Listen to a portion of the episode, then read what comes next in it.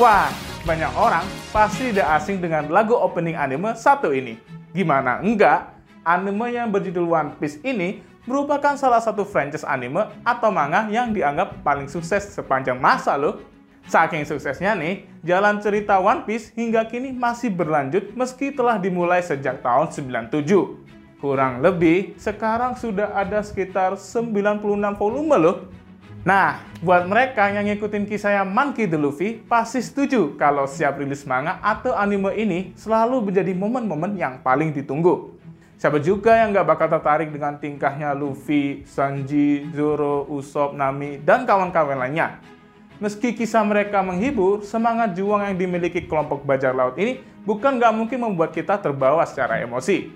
Tapi, tahu nggak sih kalau ternyata di balik perjuangan cita-cita Luffy buat jadi Pirate King ini juga disertai dengan intrik-intrik politik loh. Wah, kira-kira bagaimana ya intrik-intrik politik yang ada di balik kisahnya? Mengapa si Luffy dan kawan-kawan ini muncul sebagai bajak laut dalam kisah ini? Inilah mengapa.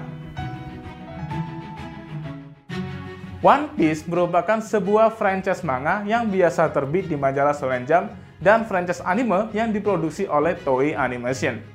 Kisah dari manga ini ditulis oleh artis manga yang bernama Eiichiro Oda.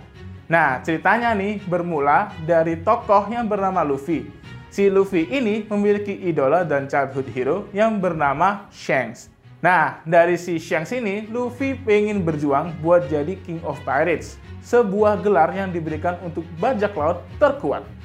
Ya, meski ceritanya nggak terlalu berfokus pada dinamika politik, tanpa kita sadari latar belakang yang bersifat politis turut menyertai perjuangan Luffy dan kawan-kawan dalam mengarungi luasnya lautan.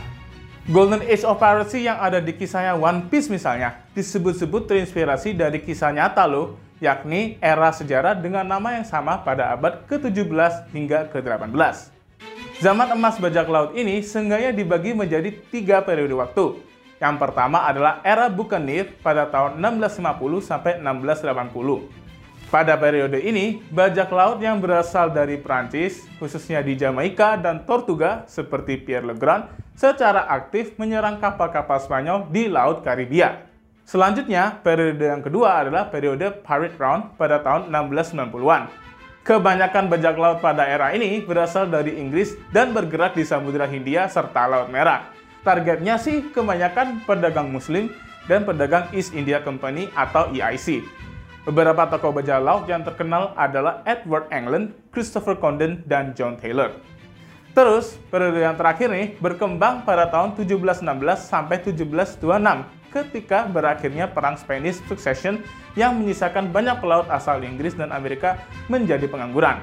Ya, walhasil, banyak dari mereka akhirnya mengarungi lautan di berbagai wilayah dari Karibia, Amerika Utara, Afrika, hingga Hindia.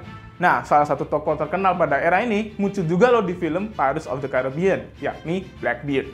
Selain karena inspirasi sejarah, latar belakang politis di anime ini juga terlihat dari bagaimana konflik tercipta antara tokoh-tokoh bajak laut. Nggak cuma bajak lautnya juga, ada juga kelompok-kelompok antagonis lainnya yang dikenal sebagai Marine dan World Government. Dari sini nih, sisi politik dalam One Piece turut menjadi background dalam story-nya. World Government ini berperan sebagai pemerintahan negara-negara yang bersatu menciptakan peraturan dan dunia namun dianggap korup. Para bajak laut ini akhirnya bergerak di luar sistem yang dibangun oleh World Government ini nih. Selain dianggap korup, sistem yang dibangun oleh World Government ini disebut-sebut berusaha menutupi berbagai informasi Contohnya adalah misteri soal Void Century, yaitu sebuah era di mana terjadi kekosongan bajak laut. Selain itu, ada juga nih kesenjangan kelas di masyarakat dalam sistem yang dibangun world government. Kehadiran bajak laut di luar sistem ini mirip dengan tatanan dunia nyata yang membuat beberapa kelompok menjadi eksklusif dalam sistem yang terbangun. Ketidakadilan ala tantaran masyarakat internasional ini akhirnya turut terbentuk di dunia nyata. Dalam politik internasional misalnya, pendirian PBB dan organisasi-organisasi internasional lainnya telah menekankan pada terciptanya kestabilan daripada keadilan. Hal ini terlihat dari bagaimana hanya negara-negara tertentu memiliki hak veto di Dewan Keamanan PBB.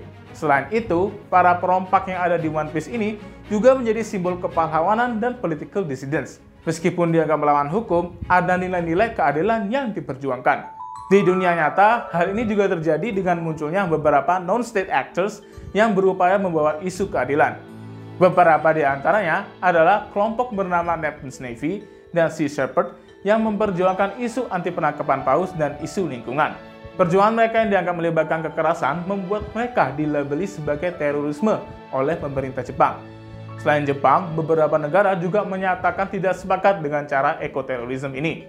Bukan nggak mungkin adanya background politik dalam One Piece ini turut merefleksikan ketidakadilan sistem yang muncul di dunia nyata.